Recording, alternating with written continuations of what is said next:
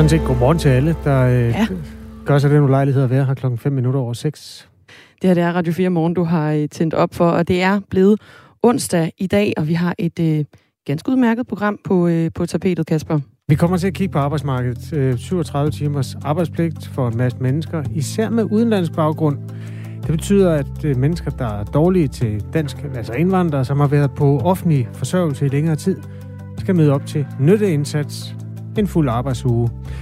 De der nyttejobs, de har før været under lup her i Radio 4 morgen. Der var mennesker, der var ude og feje vandpytter og den slags. Øhm, vi kan jo vende tilbage til det lidt senere, fordi vi skal prøve at, at tale med en mand, der har prøvet det på egen krop, og er den vej vende øh, reformen. Ja, lige præcis. Og reformen den indeholder jo også altså det her udspil færre dagpenge til nyuddannede. De skal have skåret deres øh, dagpengesats med over 4.000 kroner. Derudover så er der også noget med, at pensionister de ikke bliver skåret i folkepensionen, hvis deres partner går øh, på arbejde og, øh, og tjener penge. Alle de her ting, det er nogle, vi også gerne vil vende med dig, der lytter med. Du kan byde ind på sms'en. Bliver du ramt af nogle af de her øh, ting i det her udspil, så vi vil rigtig gerne høre fra dig. Du kan skrive ind, hvordan du bliver ramt på 1424. Du starter med R4 og laver et øh, mellemrum, og så skriver du din besked. Der er mange i øjnefaldende udlandshistorier i dag. For eksempel begynder retssagen efter de frygtelige terrorangreb, der skete i Paris for seks år siden. De ramte jo blandt andet et spillested, der hed Bataclan, og også en serie restauranter, der lå i et meget turistdomineret område midt i Paris. Den største retssag i Frankrigs moderne historie, den handler om drabet på 130 mennesker, og i øvrigt flere hundrede mennesker, der også blev lemlæstet i forbindelse med de øh, terrorangreb, der skete der. Øh, Islamisk Stat har taget skylden. I den forstand er der ikke så meget at rafle om, men der er meget andet på spil. Vi skal altså også til USA, hvor statuer af kontroversielle historiske personligheder. Især personer, som forbindes med racisme, de skaber i debat, både i USA, men også i resten af verden sådan set. Efter flere retssager, så tager de øh, i dag konsekvensen i staten Virginia i USA, fordi en statue af sydstatsgeneralen Robert E. Lee, der sidste år var centrum for raceprotester i byen Richmond, vil blive taget ned. Men hvorfor nu, og hvorfor lige Robert E. Lee? Det gør Anne Alling, korrespondent i USA, også klogere på efter nyhederne klokken halv syv med Anne Philipsen. Det er de store linjer. Vi holder selvfølgelig også øje med de små. Der er en guldring, som hele Danmark leder efter en ejer til. Der er en... Øh, der kommer en serie om Ronja Røver der, har du set det? Nej, det er ikke sikkert. Det vender vi tilbage til. Oh, fedt. Jeg skal også... Øh, bliver nødt til at fortælle om et øh, fænomen, der hedder Facebook hijacking. Og det er ikke... Øh, det er, når folk hopper ind og stjæler hinandens dagsordner på nettet. Mm, ja. Mere om det senere. Og så, ja, altså de der dagpenge, det er på en eller anden måde den, den vigtige røde tråd. Men så pynter vi vi røde. pynter den rundt om, ja. den røde tråd. Det er det, vi gør. Jeg hedder Kasper Harbo. Og jeg hedder Dagmar i Møstergaard. Godmorgen. Godmorgen. Ja, her til morgen der kommer vi altså til at tale en del om øh, det her nye reformudspil, som jo blev præsenteret i går, og som vi også øh, kort var omkring. Målet med udspillet, det er jo at få flere mennesker i arbejde, fordi danske virksomheder, de for tiden skriger på mere arbejdskraft. I alt, der skal 10.500 ekstra gerne være i beskæftigelse i år 2030, og det skal blandt andet ske ved at skære i dagpenge for nyuddannede for at få dem hurtigere ud på arbejdsmarkedet. Men det er altså ikke alle, der mener, at regeringen kommer til at lykkes med den her strategi. Her der er det arbejdsmarkedschef i Dansk Erhverv, Peter Halkær. Regeringen de de undervurderer lidt de øh, rekrutteringsudfordringer, virksomhederne de står med. Ja, og en af de brancher, som for tiden oplever store udfordringer med at rekruttere nye medarbejdere, det er hotel- og restaurationsbranchen. Og det gælder blandt andet på Hotel Europa i Åben Rå, som øh, nu udlover en dusør på 10.000 kroner til folk, som kan hjælpe med at skaffe en øh, udlært kok. Godmorgen, Helle Tavlbjerg. Godmorgen. Du ejer af Hotel Europa. Hvorfor ty til sådan en stor dusør for at kunne rekruttere en enkelt medarbejder? Jamen det er bare, øh, lige nu er det en mere effektiv øh, måde at få øh, kontakt til nogle forskellige øh, mennesker på. Vi skal selvfølgelig være en attraktiv virksomhed, men, øh, men vi skal også kunne, kunne, kunne, kunne få kontakt med, med de der potentielle kokke. Og øh, vi ligger jo om og der er der ligesom begrænset, hvor, hvor mange der er, som ikke er øh, i arbejde i forvejen og, og så videre. Så, så derfor så måtte vi gøre noget andet. Ja, hvorfor tror du, det her det kan være effektivt? Jamen, når man lægger ud på Facebook, at øh, der er en eller anden søger eller det er en konkurrence eller et eller andet, så er folk altid meget mere aktive med at få det delt. Så det kommer meget, meget længere ud. Altså, hvis jeg lægger noget ud i mit eget netværk, så, så kommer det jo kun ud til dem, jeg kender i forvejen, og der har jeg jo ligesom søgt. Så, øh, så øh, ved det, at jeg så lagde den her du søger på, så kom jeg meget, meget langt omkring, fordi der var rigtig mange, der delte mit opslag. Og øh, det har faktisk allerede givet, at jeg har fået to ansøgninger, så jeg er jo meget godt tilfreds. Det var jo en billig måde, kan man sige, at få øh, to ansøgninger på i forhold til, øh, hvad man ellers kan bruge af, af ressourcer på at, at få, øh, få kontakt til en kok. Men det kan jo blive 5.000 kroner per ansøgning. Det er da ret dyrt for en ansøgning. Nej, det tror jeg ikke. Ikke i forhold til, hvad, hvad, hvad vi generelt bruger på at, at finde de rigtige medarbejdere, så, så tror jeg ikke, det er særlig dyrt. Har I prøvet at gøre det her før også? Altså har I erfaringer fra tidligere med at udlåde dusør for at finde ansatte? Ja, jeg har brugt en del. Jeg har lejlighed, nogle lejligheder i Sønderborg, der har jeg brugt en del, øh, og det giver også altid kode. Altså, der er også altid nogen, der tagger hinanden, så sådan at, øh, at man kommer bredt ud. Så, så det, er, det er faktisk en meget effektiv måde at gøre det på. Mm. I udspillet i går, der foreslog regeringen blandt andet at sænke dagpengesatsen for nyuddannede uden børn med 4.000 kroner om måneden. Dagpengesatsen for nyuddannede dimittenter, altså den her såkaldte dimittentsats, den skal sænkes fra 13.815 kroner til 9.500 kroner månedligt. Dog kun hvis du altså er enlig og så også under 30 år. Desuden så vil man indføre et krav om aktivering for jobparate kontanthjælpsmodtagere, og målet det er så samlet set at øge beskæftigelsen med 10.500 personer i år 2030. Helle Tavlbjerg, du fulgte jo øh, lidt med i gårsdagens reformudspil, og især ændringerne i dagpengesystemet, fordi det også kan påvirke jeres hotel i Åben Rum, hvordan, øh, og hvordan I kan rekruttere fremover.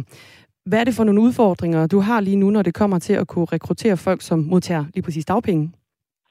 Altså de helt store problemer, vi har, det er jo, at, øh, at øh, medarbejdere, som, øh, som, vil, som, som skal ud og arbejde for eksempel på deltid, at de ikke, øh, at de ikke rigtig kan få lov til det, fordi at, øh, fordi, eller det kan ikke betale sig for dem, fordi så får, får de øh, tilsvarende mindre i dagpenge. Og vores problem i, i branchen, især i vores branche, det er jo, at vi har jo ikke ting, vi kan lægge til side, og så kan vi gøre det i morgen. Altså det er her nu, når vi har mange gæster. Og for eksempel, hvis jeg en fredag aften skal have 10 tjener på arbejde, men jeg har kun selv 6 fuldtidsansatte tjenere, øh, og, øh, og de skal selvfølgelig også øh, have deres fridage, jamen så, så står jeg og mangler øh, 4 eller 5 eller 6 øh, tjenere hver eneste uge. Øh, men, men jeg kan ikke finde dem nogen steder, fordi de ikke, øh, de må ikke tage, eller de vil ikke tage arbejdet, fordi at de bliver modregnet øh, i deres dagpenge. Så det, øh, det, der kunne være rigtig, rigtig godt for vores branche, det var, at der var en øh, buffer på, hvor meget de må tjene, inden de bliver trukket så mange penge i dagpenge. Mm. Øh, fordi så tror jeg faktisk, vi kunne få noget ud. Altså, vi har også udfordret med, når vi for eksempel får nogle fra, nu snakker med 3F i går, øh, og de sendte sig ind over til mig omkring opvask. Men jeg har jo to fuldtidsopvasker i forvejen. Jeg mangler bare en ekstra fredag og lørdag aften. Øh, og så siger hun, ja, men jeg skal jo helst have, jeg skal jo helst have 30 timer. Jamen, der er bare ikke 30 timer fredag og lørdag aften, men jeg skal bruge en fredag og lørdag aften. Så, så det er, der er simpelthen nogle regler, der gør det rigtig, rigtig svært, og jeg synes, at man skulle gøre det nemmere for, for nogen, som måske godt kan arbejde 15 timer om ugen, og tage de der job, uden at de bliver frasat en anden ende. Fordi man kan så også sige, hvem gider arbejde hver eneste fredag og lørdag aften, men at man bare kunne få det samme ved at sidde hjemme i sofaen. Altså, det, det giver bare ikke ret meget mening. Altså, man spænder lidt ben for det. Hende er hun så gerne, så det er jo fantastisk. Men, men det, er, det er problematisk, at vi egentlig har brug for så mange ekstra hænder. Øh, og for eksempel også nu, hvor øh, alle de unge mennesker de har været ude og kode, men det eneste, der giver mening lige nu, det er at få folk sat op i, øh, i det loft med, hvor meget de må tjene. Altså de unge mm. mennesker, øh, før de skal betale deres SU tilbage. For lige nu kommer alle de der brugere, de kommer ikke tilbage til vores branche før øh, til januar, fordi de har jo tjent de penge imod, så de bliver jo straffet nu, så kommer de jo til at betale deres SU tilbage. Mm. Så lige nu der er der bare nogle ting, som, som, som er lavet, som bare ikke giver nogen mening i forhold til, at vi skal have de her folk tilbage på arbejde. For jeg er sikker på, at der er rigtig mange unge mennesker derude, der gerne vil give den en ordentlig skalle. Men hvis de så skal betale øh, hele deres SU tilbage, fordi de har tjent lidt for meget, så er der jo ikke nogen, der vil gøre det. Så kan de lige så godt sidde og hygge sig sammen med kammeraterne. Så Helle Tavlbjerg, i forhold til det her med, med de personer, der er på dagpenge, og det, at du egentlig nogle gange kun skal bruge folk på deltid, så det du egentlig gerne vil have, det var, at man kan tjene penge ved siden af sin, sin dagpenge, uden at blive trukket i ydelsen. Det vil være rigtig godt for, det vil være rigtig, rigtig godt for vores branche. Altså, mm. det vil virkelig være en kæmpe lettelse, fordi det, der også er, det er, som jeg også sagde det hende i går, jamen lige snart hun er inde i vores virksomhed, så er det helt sikkert, så har jeg rigtig mange timer til hende. Jeg kan bare ikke garantere hende det fra starten af, mm. fordi jeg har jo ikke nogen timer, som... Altså, jeg skal først have den og se, hvad hun har i kvalifikationer, og hvad jeg kan bruge hende. Fordi det kan godt være, at jeg kan bruge hende på fire forskellige positioner. Men vores problem det er, at vi har bare meget, meget, meget travlt i nogle korte perioder. Og der, der skal vi have rigtig mange folk på arbejde. Så set i lyset af det, øh, du så i går med det her reformudspil, hvad fik du egentlig ud af det? Altså, kan du bruge ja, noget som helst af det til noget? Nej, ikke lige her nu i hvert fald. Det, det, der er jo ikke noget, det giver jo ikke noget arbejdskraft til os lige her nu. Øh, det håber vi selvfølgelig, at der så bliver forhandlet. Nu er, det, er den jo ikke endelig udtaget, så den skal først forhandles. Så måske er der nogle andre partier, som også kan få noget ind, input. Men, men, men jeg, jeg synes også, at regeringen er meget lydhør for, hvad vi siger. Så derfor så håber jeg da også, at, øh, at, de vil, øh, at de vil lytte, og så se, om vi ikke kan finde nogle løsninger. Fordi det er vigtigt for alle mennesker at være tilknyttet en arbejdsplads, også selvom man ikke kan arbejde ret mange timer om ugen. Og derfor så, så ville det altså være rigtig, rigtig godt, fordi vi er jo sådan en glad branche. Altså, vi er jo ikke sådan en, hvor man kommer ud og tænker, åh, hvor er det bare træls, at skal på arbejde. Vi er jo sådan en branche, hvor folk bare tænker, ej, hvor er det fedt at komme på arbejde. Men, men, men når vi har de fastansatte medarbejdere, vi skal bruge, så har vi også bare brug for, at der kommer nogen, som, som kan hjælpe, når der er virkelig travlt.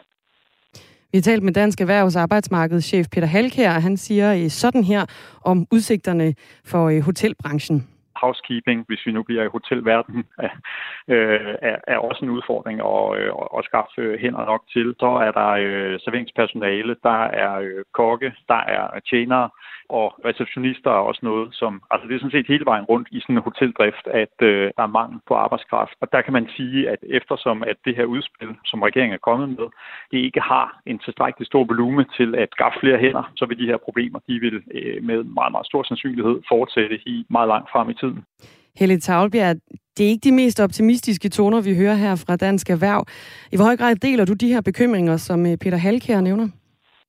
Jamen det gør jeg da, fordi den, øh, min store bekymring, det er hver gang, at vi mister en medarbejder. Altså jeg har holdt på alle mine medarbejdere under to nedlukninger, så jeg har egentlig ikke som udgangspunkt manglet nogen. Men, øh, men det kom jeg så til, fordi så havde jeg to kokkeelever, der var udlært, og jeg havde en, øh, der skulle ind og jeg havde en der blev hæt ned til et andet sted. Så lige pludselig, så, øh, så stod jeg mange nogen, og så er der bare ikke nogen at rekruttere fra. Altså, øh, jeg har mange medarbejdere, som har været med mig i over 20 år, så, så jeg holder på mine medarbejdere. Det må være det allervigtigste lige nu. Det må være, at man passer rigtig godt på dem, man har, og behandler dem rigtig godt. Men, øh, men derfor så kan du ikke undgå, at der er en gang imellem, at nogen nu har en køkkenchef, og de får tællinger, og så nu går han på barsel.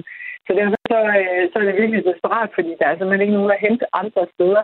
Øh, og man er heller ikke interesseret i at stjæle ens kollegaers kokke, fordi så ved man jo godt, at så er de jo bare øh, på den. Så, så det, er, det er virkelig bare sådan et, et, et problem, at der bare ikke er nok. Altså det er ikke... Det, man kan jo godt give mere løn, eller gøre, sig, gøre sig mere attraktiv, eller alt muligt andet, men, men, men problemet er, at der ikke er nok. Og, og lige nu bider det så også i halen, at når vi nu får meget færre faglærte, fordi det er jo rigtig mange, der er blevet fyret, de er gået ud i andre jobs her under corona, Øh, så må vi heller ikke have så mange elever længere. Altså, jeg har øh, otte elever på mit hotel, og, øh, men jeg skal jo have tilsvarende antal faglærte. Mm. Så der er også et problem der. Så, så der er simpelthen nogle udfordringer, fordi ellers bliver der altså færre og færre nu, og det bliver vi simpelthen nødt til at gøre noget af det. Det sagde Helle Tavlbjerg. Tak fordi du var med. Selv tak. Ejer af Hotel Europa i øh, Åben Rå. Senere her til morgen, der taler vi øh, blandt andre med René Alling Jensen, som øh, ud fra erfaringer ikke mener, at flere nyttejobs, som regeringen i sit udspil ellers lægger op til, hjælper til, at, at flere de lærer det danske sprog. Det budskab, det tager vi videre også til Socialdemokratiets beskæftigelsesordfører Henrik Møller, og vi samler også op på de andre aspekter af gårdsdagens udspil. Det gør vi sammen med vores politiske redaktør her på Radio 4, Thomas Larsen. Kim er på vej hjem fra arbejde. Ja. Skriver, man bliver også nødt til at give en ordentlig løn er synspunktet fra Kim. Glenn fra Silkeborg, han spørger, godmorgen, og tak for gode morgennyheder. Bliver der skåret i dagpenge? Eller jeg tror, han mener, at bliver der kun skåret i dagpenge mm. for nyuddannede, eller også for mig, som er ufaglært? Og den melding, der kom i går, er øh, angående de dimittenterne, altså mennesker, der lige er sprunget ud som øh, færdiguddannede på et eller andet felt. Hvor, ja, for eksempel har Jyllandsposten talt med en øh, nyudklækket kandidat på 25 år, der hedder Simon, som ser ud til at gå fra ca. 13.815 kroner i den nuværende dimittentsats, og så 4.000 ned, altså så han kommer ned under 10.000. Ja, det bliver sådan 9.500 eller sådan noget, de ender med at få udbetalt før skat, hvis, øh, hvis det her udspil altså bliver til virkelighed. Ja, man får ikke udbetalt den før skat. Det er kun i det mørkeste Jylland, du vil gøre det. Ja, efter, man får udbetalt før skat, før man betaler skat, ikke? Får man udbetalt 9.500 kroner. Så ryger der lige lidt til skat. Ja, altså du får dem ikke udbetalt. Du får dem jo først udbetalt, når du har betalt skat. Ja, sandt. Okay, ja, oh, sorry, Dagmar. Vi skal bare lige i gang. Vi skal i gang. Klokken den er nemlig kun 20 minutter over 6.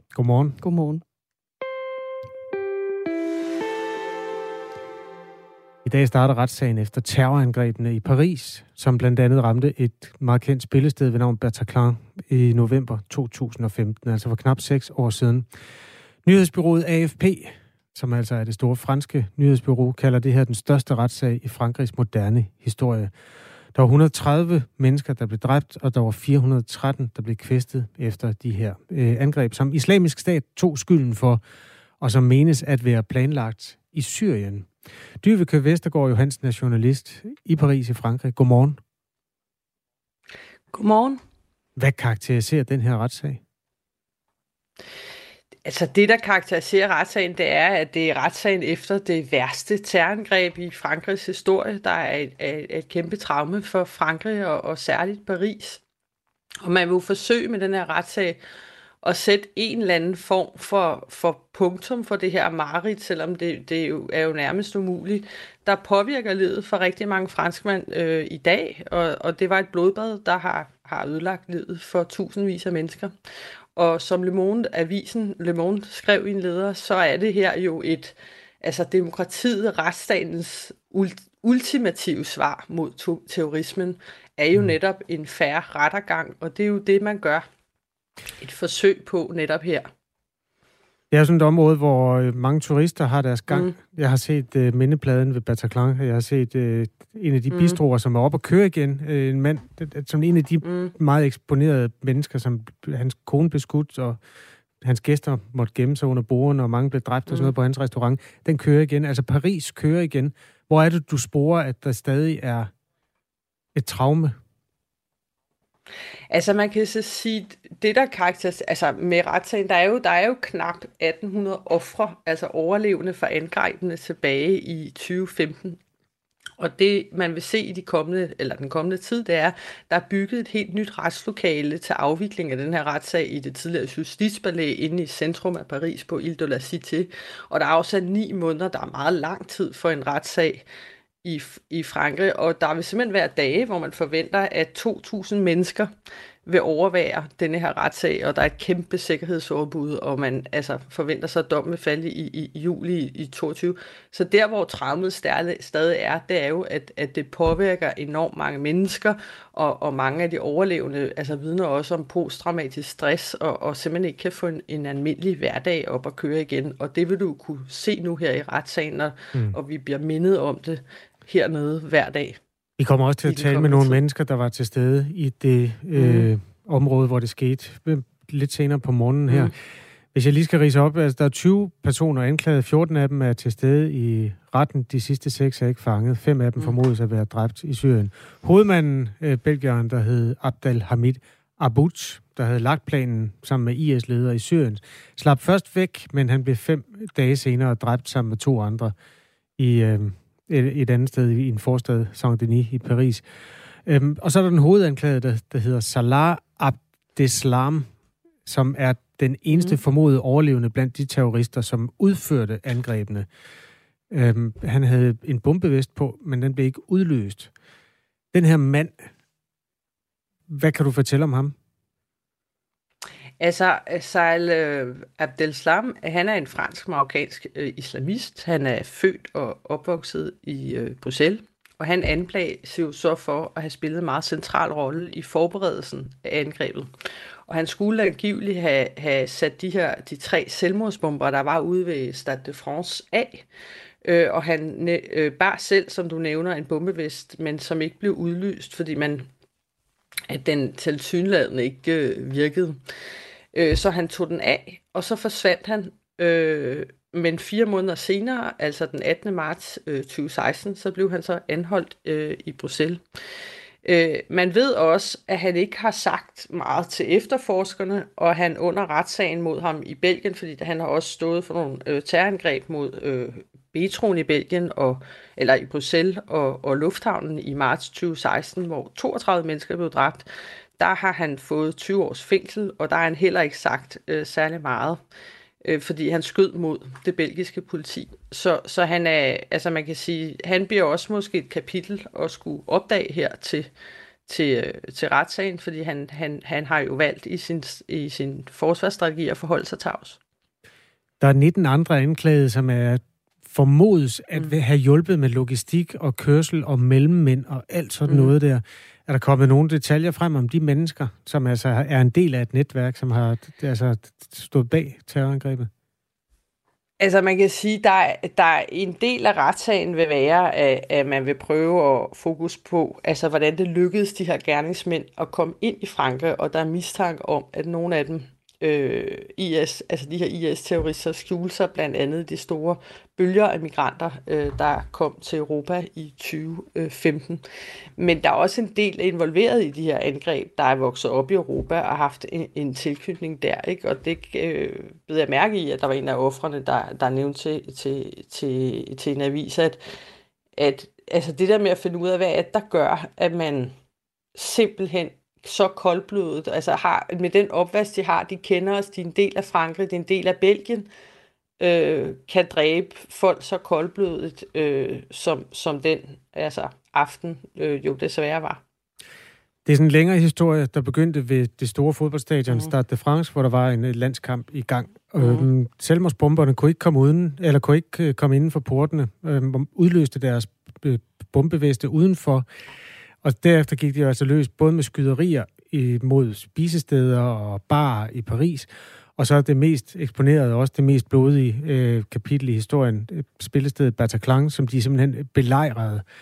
Og derinde døde jo 90 mennesker, og mange andre har ar på sjælen sådan øh, resten af livet, for, for, altså mm. efter det der, som jo tog flere timer. Og, og det kapitel kan vi mm. måske godt kigge på, fordi de, den her belejring starter midt på aftenen, mellem 9 og 10 et eller andet sted. Og så er det først efter midnat, mm. at de franske specialstyrker trænger ind og får så taget hul på det, der også var flere timer. Øh, oprydningen efter det, og, og til sidst befrielsen af, af de mennesker, der er fanget rundt omkring. Det kapitel, er der også et, et opgør med fortiden i det, altså internt i forhold til, om specialstyrkerne gjorde det godt nok og hurtigt nok?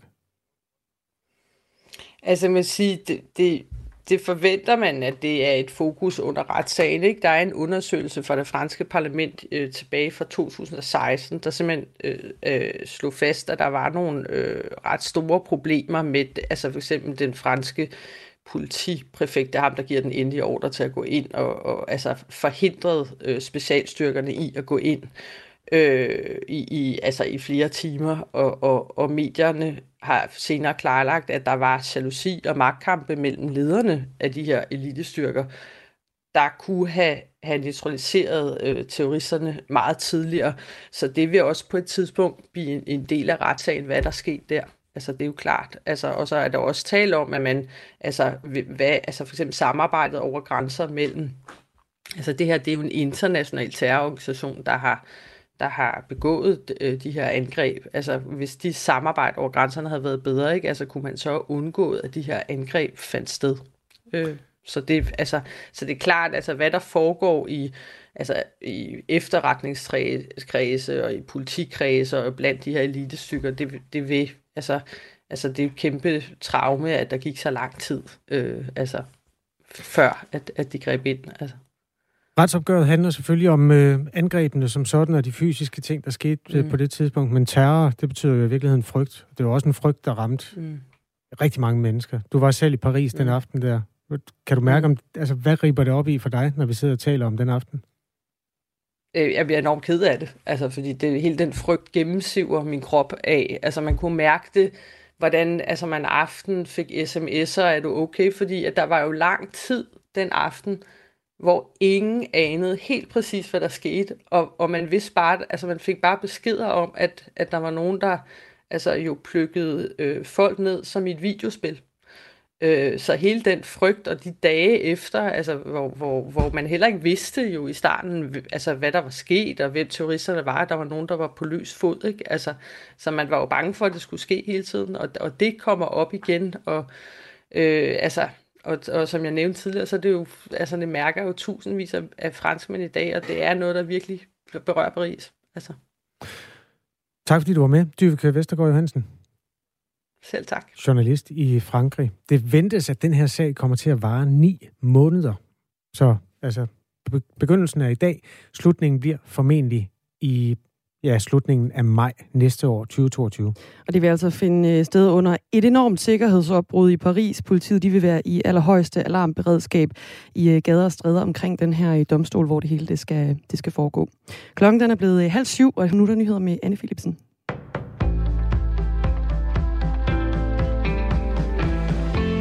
Når vi når til slutningen af i år, så vil der blive produceret vaccinedoser nok mod coronavirus til at dække hele verdens befolkning. Sådan lyder det nu fra den internationale sammenslutning af farmaceutiske producenter og foreninger. Det er en brancheorganisation, der repræsenterer de farmaceutiske virksomheder over hele verden. I øjeblikket der er der stor forskel på vaccinationsraten mellem de rige og fattige lande. I de rige lande der har op mod 70 procent af den voksne befolkning modtaget to vaccinedoser, men det gælder kun for 6 procent i Afrika. Men nu begynder det altså at se lysere ud, for inden udgangen af i år, der forventer man, at den globale produktion af vaccinedoser når 12 milliarder. Og det betyder, at selvom de rige lande ønsker at vaccinere alle over 12 år, så vil der stadig være mindst 1,2 milliarder doser til rådighed til omfordeling til de fattige lande, oplyser brancheorganisationen. USA er bekymret for sammensætningen af Talibans nye regering i Afghanistan, det siger en talsmand for USA's udenrigsministerium. Vi bemærker, at listen af navne udelukkende består af medlemmer af Taliban eller folk i deres nære kreds, og ingen kvinder lyder det fra talsmanden. Blandt medlemmerne af Talibans nye regering er den terroranklagede Sirajuddin Haqqani. Han er udnævnt som ny indrigsminister. Haqqani står på USA's terrorliste, og FBI tilbyder en dusør på 5 millioner dollars for at få ham anholdt og udleveret til USA. Den nye leder af regeringen er Mullah Mohammed Hassan Akhun, der er på FN's sanktionsliste. Og forsvarsministeren i Talibans nye regering er Mohammed Yakub. Han er søn af den tidligere Taliban-leder Mullah Omar, som blev et af USA's vigtigste mål, da man i 2001 trængte ind i landet og altså fordrev Omars daværende styre. Talsmanden for USA's indrigsministerium siger, at USA vil bedømme Taliban på dets handlinger, ikke på ordene. USA vil blandt andet holde øje med, om Taliban lever op til sit løfte om at lade afghanere forlade landet, hvis de ønsker det. Og det samme gælder Talibans løfte om at lade amerikanske statsborgere i Afghanistan forlade landet i sikkerhed. Og så skal vi her hjem igen, for efter at have næsten halvandet år med uafbrudt fremgang, så er priserne på sommerhuse faldet den seneste måned. Priserne faldt på landsplan i gennemsnit med 0,3 procent fra juli til august. Det viser tal fra boligsiden, som Nykredit har beregnet for sæsonudsving.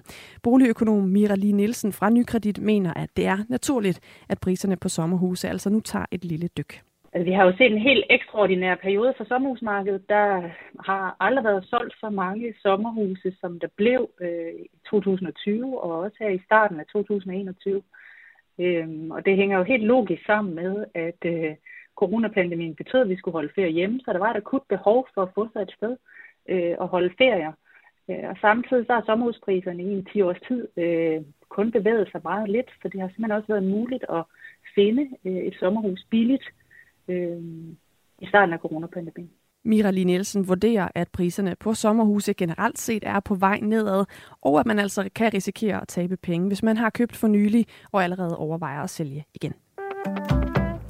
Herrelandsholdet i fodbold vandt hele 5-0 over Israel i aftes i VM-kvalifikationskampen og udbyggede dermed sin føring i gruppen. Det var Josef Poulsen, Simon Kær, Andreas Skov Olsen, Thomas Delaney og Andreas Cornelius, der stod for de fem mål i kampen. Danmark er forløbig noteret for en målforskel på 22-0 efter at have vundet hver eneste kamp i kvalifikationens første seks spillerunder, og derfor så ser det altså også lyst ud for at nå et VM. Vi er i gang med en dag med først skyet vejr, men senere også mere tørt vejr, og i løbet af dagen også en hel del soltemperatur mellem 19 og 23 grader. Nyhederne på Radio 4 her til morgen er med Anne Philipsen. Så du fodbold? Ah. Jeg vidste det. jeg skulle tidligt op, ikke? Ja, det skulle jeg da også. Ah, du var selvfølgelig op sent. Det er bare, ja, og det er lidt ensomt at komme ind i total landskampstemning og sidde sammen med et menneske, der er fuldstændig ligeglad. det er af. Det var, altså, en ting var, at Danmark vandt en fodboldkamp med 5-0, men det var også lige så meget det, der skete bagefter. Det er sådan manifestationen af den der folkelighed, som der har siddet 20.000 konsulenter inde i DBU og arbejdet på at genskabe den i rigtig mange år. Altså. Nu bliver jeg meget gammel at høre på, men altså i 80'erne var den der jo. Det var der, det Der var en gang i de gode Ja. gamle dage. Og så kom hele Roligan-bevægelsen og sådan noget, og så kom der en periode, og det var særligt i nullerne, hvor det hele, altså DBU var sådan en trælsorganisation, og de havde ansat en meget militant type som pressechef, og de havde ansat nogle sure embedsfolk, og landsholdet bestod af sådan nogle mennesker, der ikke gad at snakke med pressen, og det hele var sådan lidt øv, og i øvrigt spillede de ikke særlig godt. Og der sad de jo så inde og krassede sig i hovederne og tænkte, hvordan gør vi noget ved det? Og så prøvede de at ansætte nye mennesker, og de opfandt alle mulige buzzwords og det nye DBU. Og pludselig så er der bare ikke, altså DBU, folk er jo ligeglade med DBU. Folk vil jo bare se Folk vil jo landsholdet. bare gerne til fodbold. Ja, men den land, altså i går, der blev øh, landsholdet på banen i 15-20 minutter eller sådan noget, og ja. løb rundt og jublede, altså sammen med, med fansene. Selvfølgelig en, en forløsning, der også har noget klangbund i corona, og, eller, ja, altså Det så vi også under EM. Ja, ja. Og også forhistorien med Eriksen og alt det der. Ja. Altså, der er et eller andet, der ryster sammen. Hold kæft, det er fedt. Ja, Det er så fedt. Nu snakker vi bare om fodbold. og så vinder de jo et. Altså, 5-0, det er en vild nok sejr. ja, altså mod det formodet næststærkeste hold i puljen. Det er, det er okay. Ja, det er meget godt gået. Mm, ja, men godt. SMS'en er jo øvrigt åben på alt, hvad der kan krybe og gå af emner. Du kan blandt andet lige holde øh, jo dig, Kasper, med selskab i din ensomhed, i din fodboldensomhed. Hvis du har noget eufori, som ingen andre gider at høre på, det gider jeg godt. Skriv til 1424, start din besked med R4 og et mellemrum. Der er også kommet et par stykker, der relaterer til arbejdsmarkedet og den reform, der blev lanceret på et pressemøde i går. Øh, Det skal vi også øh, nok vende tilbage til. Der er et par gode substantielle historier der fra nogle af vores lyttere. Dem tager vi øh, lidt senere i den her det, eller i det her radioprogram. Klokken den er 6.36. Tak fordi du stod tidligt op. Først så skal vi snakke om øh, statuer af kontroversielle historiske personligheder. Det er især af personer, som forbindes med racisme, som øh, skaber debat overalt i verden. Efter flere retssager, så tager de i dag konsekvensen af det i øh, staten Virginia i USA. En statue af sydstatsgeneralen, der hed Robert E. Lee, der sidste år var centrum for raceprotester i byen Richmond, den bliver altså taget ned nu. Og det er bare en af mange statuer, der øh, lige for tiden bliver fjernet rundt om i USA, og det deler altså vandene. Godmorgen, Anne Erling. Godmorgen korrespondent i USA. Jeg tror, vi har en lille smule forsinkelse på, men den tager vi med. Statuen af sydstatsgeneral Robert E. Lee i Virginia står på øh, det historiske øh, monument Monument Avenue hedder det i Richmond, Virginia, og nu fjernes den altså. Hvad har, øh, hvad har reaktionerne været, Anne Erling? Men her tirsdag aften, øh, der har lokale i Richmond samlet sig foran statuen, og de har grillet og spillet musik og taget de sidste billeder, inden denne her statue altså bliver fjernet. Alt sammen for at, at fejre, at, øh, at statuen altså nu bliver fjernet. Du sagde lige, at, øh, at statuen jo var, altså var omdrejningspunkt for mange af de her Black Lives Matter demonstrationer sidste sommer efter drabet på, på George Floyd, og faktisk så har altså hele den her enormt store statue er fuldstændig sådan overtegnet med graffiti. Øh, der står Black Lives Matter på, Black Opportunity, sortes muligheder, står der sådan hele vejen hen over soklen, som blev skrevet til protesterne sidste år. Så den har, ja, det seneste år, men altså også nu, altså været symbol på, på en kamp i både i Virginia, men også i hele USA, øh, altså mod racediskrimination. Så på den måde, så, så det er meget, meget symbolsk, at den her statue skal blive taget ned i, øh, i dag, i det, som altså under det meste af borgerkrigen var, var sydstaternes øh, hovedstad i USA.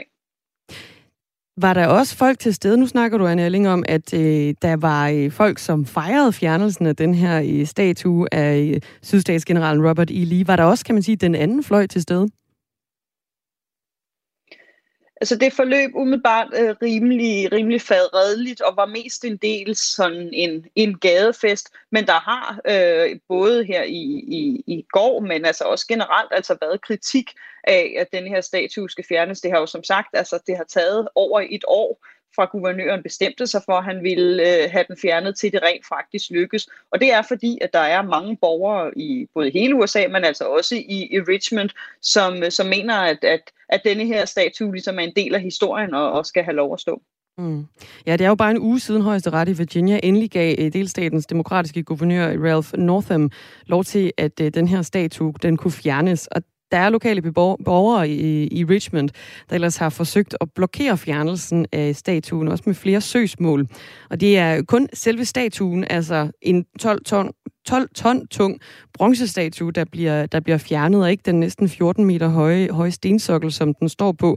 Hvad skal der ske med stensoklen? Jamen det ved man faktisk ikke helt endnu, hvad, hvad der skal ske, men det som man vist nok i hvert fald tror, det er, at, øh, at historikere de har været inde og undersøge, og man tror, at nede i denne her sokke, der ligger der sådan en tidskapsel, hvor at dengang man satte, man satte statuen op, så lavede man sådan en tidskapsel med møntre for, for sydstaterne, øh, sydstatsflag, og altså sådan forskellige ting fra de gamle sydstater, som blev lagt ned i en tidskapsel, kan man kalde den, og ned i denne her sokkel. Og det, som er planen nu, det er, at man vil ind og have den tidskapsel ud af soklen, og så vil man lægge en ny en ned. Og det var også noget af det, der var del af, af fejringen i går, at man øh, endelig skulle blive enige om, hvad der skulle ligge nede i denne her nye tidskapsel. Øh, man vil blandt andet lægge digte og musik fra lokale artister, der kæmper for for racelighed, øh, skilte fra sidste års øh, Black Lives Matter demonstrationer, og også har man snakket om sådan nogle tomme coronavaccine-kanyler, for ligesom både at vise den kamp, øh, som der er for racelighed, men også vise de, de ligesom nye udfordringer og konflikter, som Virginia står i i dag. Øh, det, dem, som har arrangeret eller ligesom står for denne her nye tidskapsel, de siger, at, at de, er det, de, nye, de er det nye Virginia, og det ligesom er det, som, øh, som både den her sokkel, men altså også hele pladsen, ligesom skal laves om til.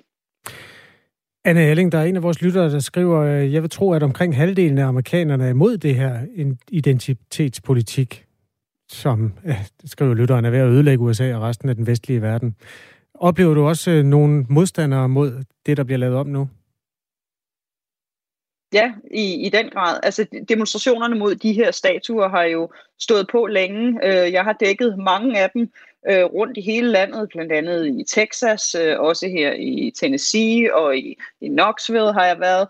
Og der er tit sådan en misforståelse, tror, vil jeg kalde det, mellem altså mellem de stridende de parter. Øh, der er mange, blandt andet fra Black Lives Matter-bevægelsen, og dem, der støtter dem, der ligesom mener, at de her statuer er symbol på, på racisme, symbol på, på slaveriet, og mener, at dem, der mener, at de skal have lov at blive stående, er racister. Men når man så taler med, med dem, der mener, at de her statuer skal have lov at være der, jamen så siger de, at det her det handler for dem ikke om, om, om race og, og, og rettigheder, men det handler om historie for dem.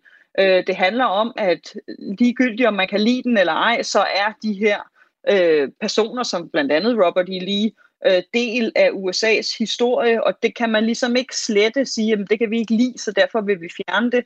Og så er der også nogen, der ligesom peger på, hvad borgerkrigen handler om, hvor at den ligesom tit bliver kogt ned til at, at handle om slaveriet.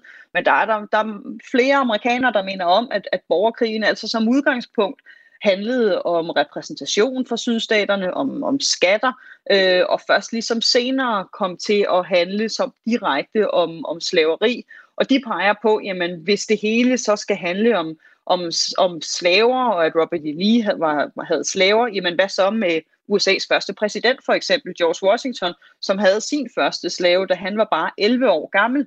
Skal han så også fjernes fra, øh, fra the one dollar bill i USA? Hvor langt skal man ligesom gå? Øhm, så der er sådan en, en uenighed om, hvad de her for eksempel statuer symboliserer, øh, og hvorvidt de ligesom skal fjernes, hvorvidt de skal være i det offentlige rum. Og så vil jeg sige, så taler jeg også med mange, som, som, som ligesom går ind for de her med, at de er en del af historien, som siger, jo, måske behøver man ikke have en 12 meter høj sokkel og en 6 meter høj statue i midten af en stor boulevard. Måske man kunne putte det på et museum i stedet for, så det ligesom ikke støder så mange andre, men stadig er noget, man husker, for ligesom at man ikke begår fejlen og slet historien, og så ligesom ikke lærer noget af den senere. Mm. Robert E. Lee, altså den her statue, der nu skal fjernes i Richmond, Virginia. Hvad, nu var vi omkring, hvad der skulle ske med stensoklen. Hvad gør man egentlig med sådan en kæmpe stor statue? Den vejer 12 ton. Ja, det der er planen er, at den skal deles i to for at kunne fjernes, fordi den er så stor og tung. Øhm, og så har der været meget snak om, hvad der, hvor den skal hen, og hvad den skal erstattes af. Og det er altså i hvert fald ikke offentligt øh, afgjort øh, endnu. Øh, der er tale om at, at stille den netop på museum, men det er ikke en beslutning, der, der er blevet taget endnu, og det er i hvert fald ikke noget, man sådan offentligt har fået at vide, hvad der så skal ske med den. Anne Alling, tak for det. Velbekomme. Korrespondent med fra USA, altså om øh, de her statuer, der, der skal fjernes blandt andre statuer af sydstatsgeneralen Robert E. Lee. Og øh, han er altså ikke øh, helt alene om at skulle øh, ned fra soklen. Man ændrer ingenting ved at fjerne statuen. De skal blive, så det minder om en tid, der ikke skal komme igen, skriver vores lytter. Tommy. Øhm... Der er også en, der har det modsatte synspunkt. Det er sund fornuft at fjerne spor af fortiden, for man gentager den. Interessant spørgsmål i øvrigt, hvad der ender med at ske med de der, var det 12 tons?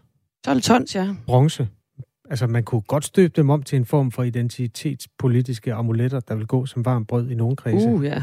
Kunne man da helt sikkert godt. den, den sender vi afsted til Virginia. Også en sjov diskussion om det der med tidskapsler. Altså, hvordan, hvis du skal lave en tidskapsel, der inden, altså, på en eller anden måde bliver magiterningen af 2021, de ting, vi taler om her. Og tiden og debatten.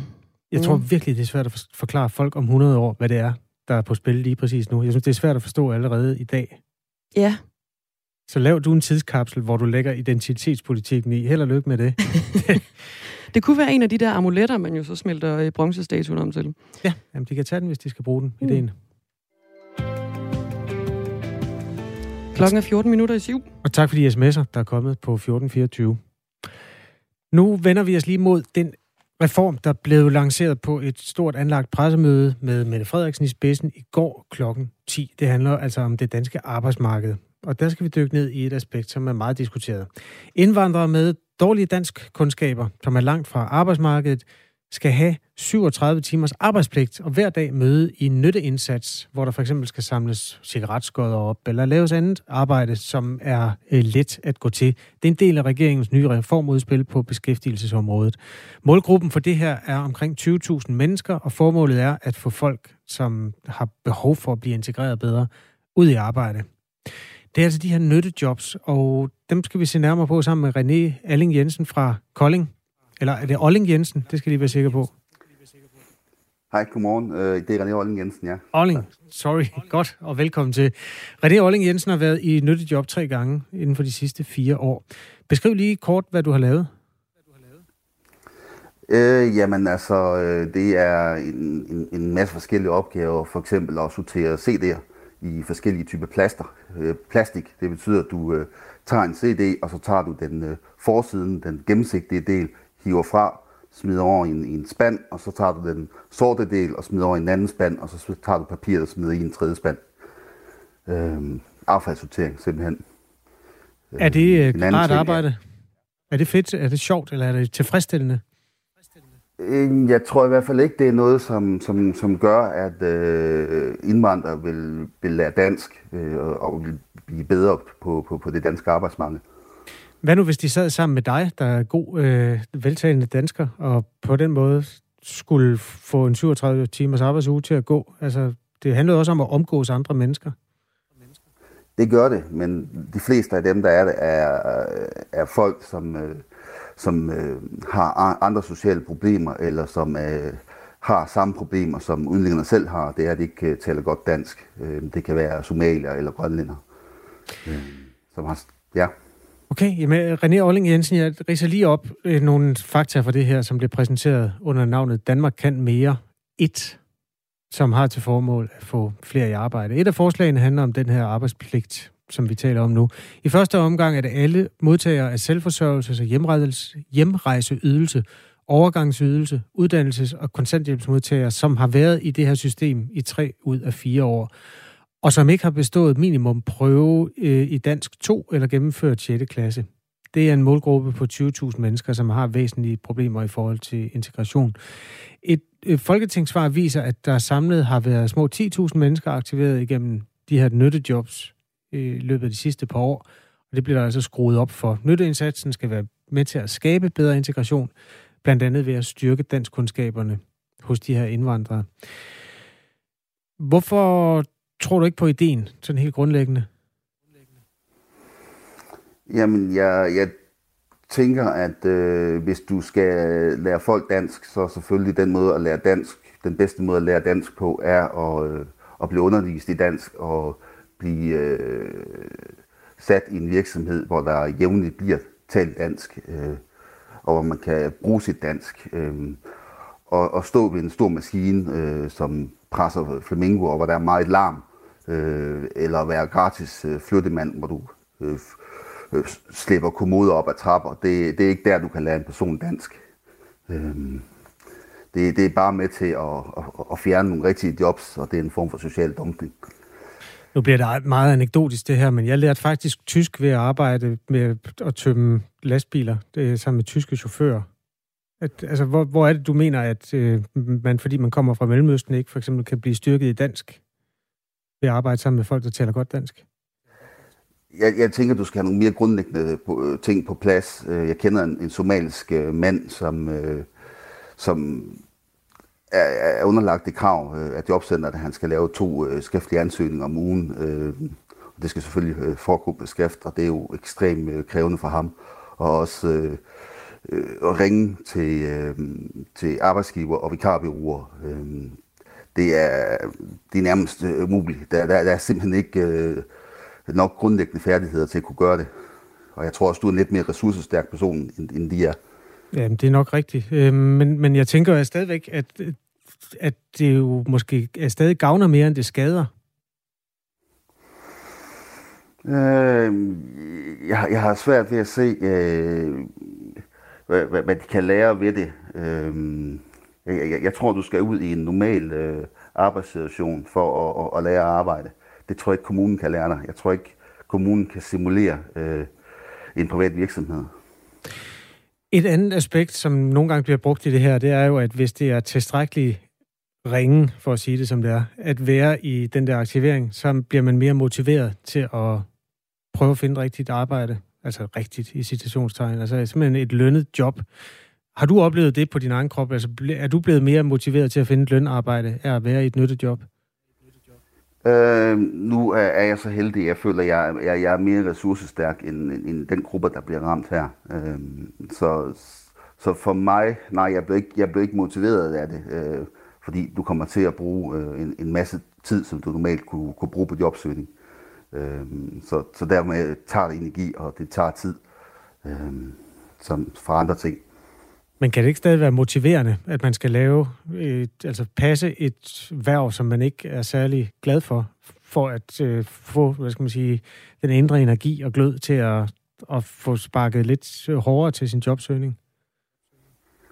Øh, jamen, jeg, jeg tror, at den gruppe, vi snakker om her, de, øh, de skal have nogle flere færdigheder, før de, kan, før de hjælper at, at sparke til dem. Øh, og det, det er også det, undersøgelser viser, det er, at, øh, at folk, de svagledige, jamen, de kommer ikke i, i arbejde ved, at du lægger mere pres på dem. Øh, det, det, det, der er en svag stigning fra, øh, for, for stærkeledige. Altså, de, de, der kommer lidt flere i jobs, hvis du lægger pres på dem.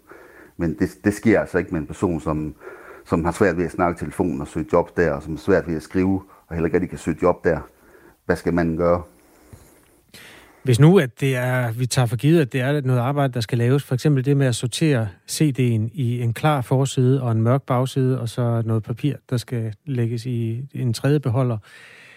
Øhm, er det så ikke fair nok, at man vælger at, at, at bruge den arbejdsstyrke, som jo er til rådighed til, til det? Altså, de bliver jo ikke altså, invalideret af at passe arbejdet.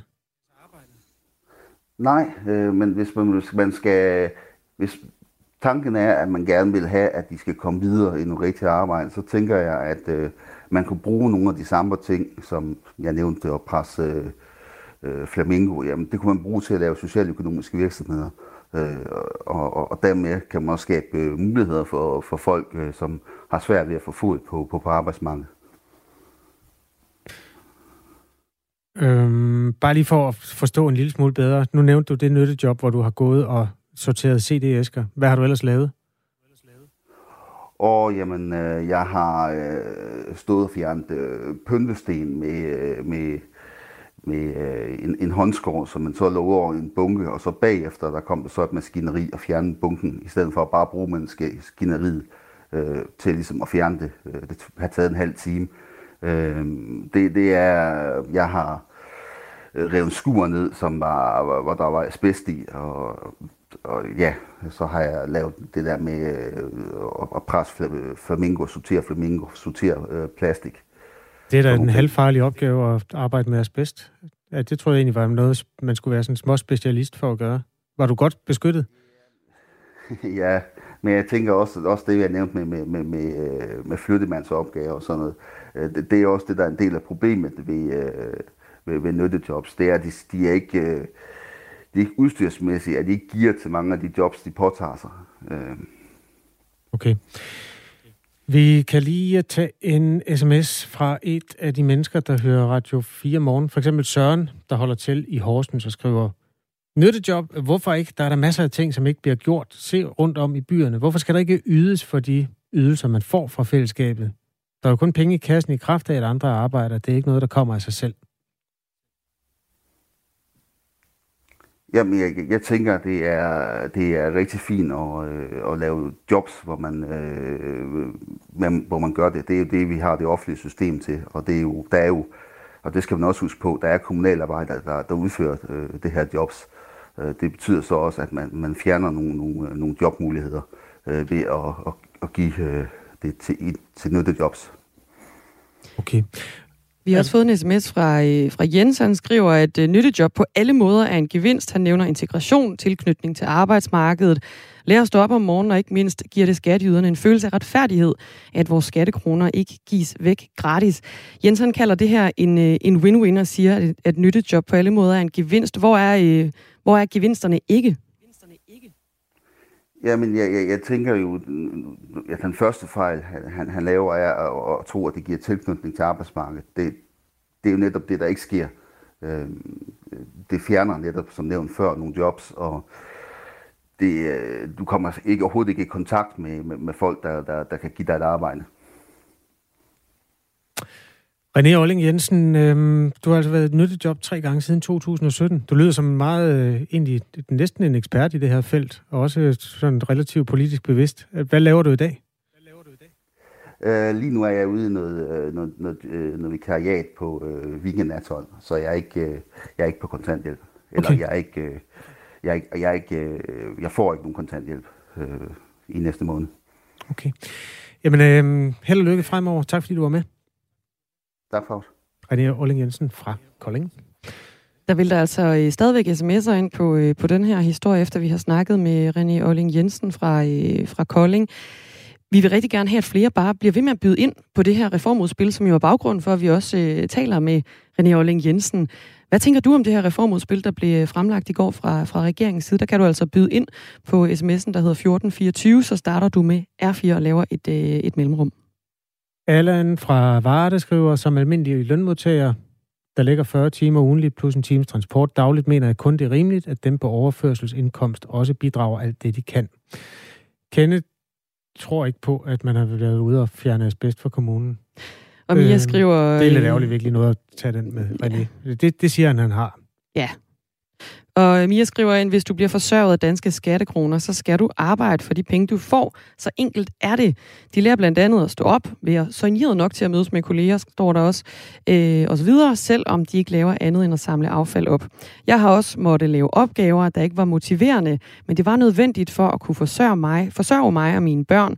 Der mangler i den grad blandt, an, blandt de tilrejsende et ønske om selvforsørgelse, skriver Mia ind på øh, sms'en 1424. Jeg synes, det er vildt, at I kun taler om kontanthjælpsreformen, som om det vil ramme folk med anden etnisk herkomst end dansk, men det er jo løgn, skriver en lytter ind. Og lytteren tager fejl, kære ven, fordi selvfølgelig taler vi om mange aspekter af det her. Efter nyhederne skal vi blandt andet se på det her forslag om at sænke dagpengesatsen for nyuddannede. Helt konkret lægger regeringen op til, at niveauet bliver sænket fra 13.815 kroner før skat til 9.500, og det er altså nærmest en tredjedel af den her såkaldte dimittentsats, der forsvinder, hvis man er under 30 år og ikke har nogen børn. Det er ikke alle, der glæder sig til det. Nej, det er sådan en ret betydelig del af, af en indkomst, må man sige. Vi taler med en øh, forkvinde for Studenterforum UC, som hedder Sofie Villersen på den anden side af nyhederne, der kommer lige om ikke så forfærdeligt længe. Vi skal også tilbage til en historie, vi var på i den her time, Kasper. Det handler om øh, retssagen for øh, terrorangrebet i november 2015 i Frankrig, i Paris, hvor 130 mennesker blev dræbt, 413 mennesker blev kvæstet. Det var jo blandt andet der, hvor øh, spillestedet Bataclan blev, øh, blev angrebet. Og nu starter retssagen altså i, øh, i Paris. Vi taler med to af de personer, som har været til stede under de her angreb i Paris. En dansk mand, og så taler vi også med en fransk mand, som bor i Paris lige nu, som, ja, han snakker engelsk, men det skal vi nok, det tager vi strækt om. Han var simpelthen på måske den mest øh, skrækkelige koncert, der har været i meget, meget lang tid. Øh, den med Eagles of Death Metal, det amerikanske band, der spillede på Bataclan den mm. nat. Eller den aften, som blev til en meget, meget lang nat. Ja, det må man sige. Det her det er Radio 4 Morgen, du har tændt op for. Klokken den er blevet syv, og det betyder nyheder med Anne Philipsen.